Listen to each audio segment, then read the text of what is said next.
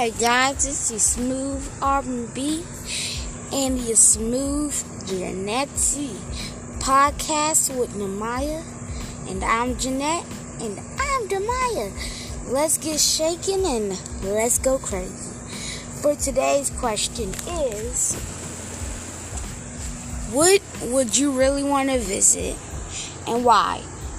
I really want to visit, it's called Paris. I really want to visit Paris because I heard it was so romantic. And you know, I heard a lot of stuff about it. And I think it would be great to go. And that's the flow.